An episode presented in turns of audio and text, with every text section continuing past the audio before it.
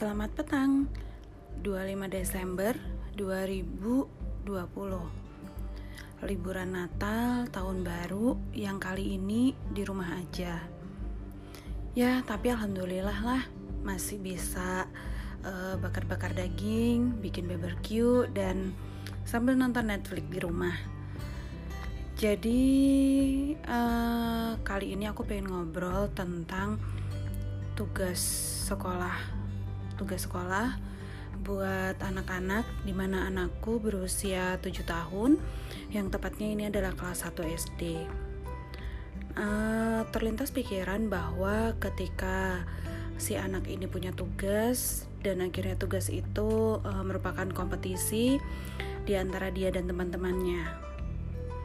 Beberapa teman hmm, sempat curhat bahwa bisa jadi yang menang itu adalah yang mamahnya sempat uh, ikut ngerjain edit kalau itu berupa video, edit juga kalau itu berupa foto, dan diserahkan kepada guru atau panitia yang bertugas pada saat itu.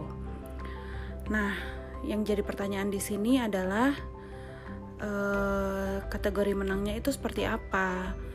Nah, kalau misalnya kategori menangnya di sini adalah kreativitas atau apalah-apalah yang disebutkan dalam poster tersebut, ya mungkin apakah itu hanya formalitas saja atau bagaimana? Yang bisa mengumpulkan tepat pada waktunya mungkin atau hasilnya mungkin lebih oke. Okay.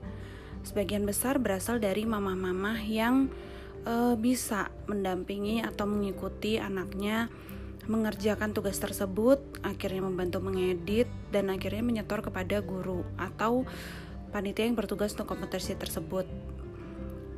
Nah, pertanyaannya, buat mamah-mamah yang tidak terlalu bisa untuk mendampingi putra-putrinya ataupun lalu yang namanya mengedit, lalu e, menyelesaikan sesuai deadline-nya. Nah, itu bagaimana? Gitu. Hmm, nah ini menjadi pertanyaan besar juga sih. Uh, terus nanti kalau misalnya ternyata anak itu tahu uh, dia tidak menang dalam kompetisi tersebut yang dikarenakan bukan karena dari si anak tersebut tapi kondisinya memang yang me, yang me, apa ya namanya memposisikan bahwa kebetulan pada saat itu kita nih mama-mama lagi nggak uh, bisa untuk membantu ngerjain, ngedit dan lalu diserahkan. Nah itu posisinya seperti apa gitu? Apakah tidak ada kesempatan kesempatan lain? Ataupun apakah tidak ada uh, apa ya namanya tidak ada cara lain yang bisa diterapkan sehingga benar-benar semua punya kesempatan yang sama seperti itu.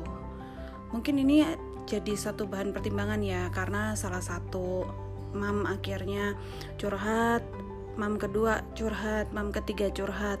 Yang akhirnya terus gimana dong? Berarti ini anak saya nggak bisa menang di kompetisi tersebut. Gitu. Nah kalau menurut teman-teman gimana? Kalau saya pribadi sebenarnya juga masih agak galau ya uh, tentang bagaimana memposisikan ini. Nah teman-teman saya merupakan salah satu yang kadang-kadang bisa mengumpulkan tepat waktu, kadang-kadang bisa mendampingi, tapi ada kalanya saya juga kebetulan uh, kemarin pas pada saat uh, Z PAS saya juga tidak bisa mendampingi. Walaupun alhamdulillah uh, nilai Z cukup bagus tanpa saya dampingi mengerjakan PAS, Hmm, tapi saya ada di dua posisi ini. Ketika saya ada di posisi yang bisa menemani, mengedit, lalu mengerjakan dan menyerahkan kepada ustadahnya tepat waktu. Tapi di satu sisi saya juga uh, apa ya, ada di posisi yang sedang tidak bisa mengerjakan tepat waktu, mengedit, lalu menyerahkan kepada ustadahnya atau gurunya sehingga uh, dia tidak bisa ikut kompetisi tersebut. Begitu teman-teman. Kalau dari saya pribadi, uh, kebetulan saya juga ngobrol sama papanya Zizi. Kesimpulannya bagi kami adalah uh, kompetisi itu nomor dua. Yang jadi paling utama bagi kami di keluarga kami pada saat seperti ini adalah bagaimana saya sebagai mamanya Zizi uh, papanya Zizi dan juga Zizi bagaimana hubungan kami bisa uh, tetap baik bagaimana hubungan kami tetap bisa uh, meminimalkan pertengkaran, meminimalkan perselisihan, terutama yang berhubungan dengan sekolah. Karena begini-begini, hmm, kalau seandainya saya memaksa Zizi untuk mengerjakan itu atau mengerjakan tugas tersebut dalam keadaan terpaksa, saya dalam kondisi capek, habis bekerja dan belum tentu pada saat itu moodnya Zizi juga bagus dalam mengerjakan. Yang ada saya marah-marah dan membuat Zizi tertekan ketika mengerjakan tugas tersebut. Nah, ketika hal itu terjadi, hubungan saya dengan Zizi menjadi tidak enak, tidak baik. Seperti itu. Nah, hal-hal tersebut juga uh, ya pasti tidak terbantahkan ya, itu juga terjadi tapi pada saat libur, hmm, kami meminta izin kepada ustadzah ataupun gurunya. Kami tidak mengerjakan tugas-tugas yang sekiranya memang itu kebutuhan ekstra seperti itu karena memang nanti kalau misalnya Zizi sudah ditekan dan tidak mau mengerjakan akhirnya dia kacre kacret atau bahasa Indonesia-nya apa ya? Uh, dia kapok, kapok ya, kapok. Nah, kami juga tidak mau kalau misalnya uh, Zizi sekolah dan akhirnya kapok karena mengerjakan tugas yang menimbulkan perselisihan dengan mamahnya kalau dari kami seperti itu sih gitu.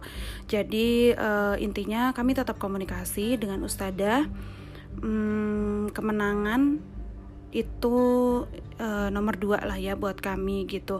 Dan kami juga tidak pernah berpesan kepada Zizi bahwa kamu harus menang gitu. Yang kami pesankan kepada Zizi itu adalah kamu harus melakukan yang terbaik. Uh, Mama juga akan berusaha untuk melakukan yang terbaik sehingga kita bisa sama-sama enak dalam menjalani eh, hari-hari uh, yang ada sekarang ini dan kami tetap bisa berpelukan ya perselisihan tuh pasti adalah ya gitu.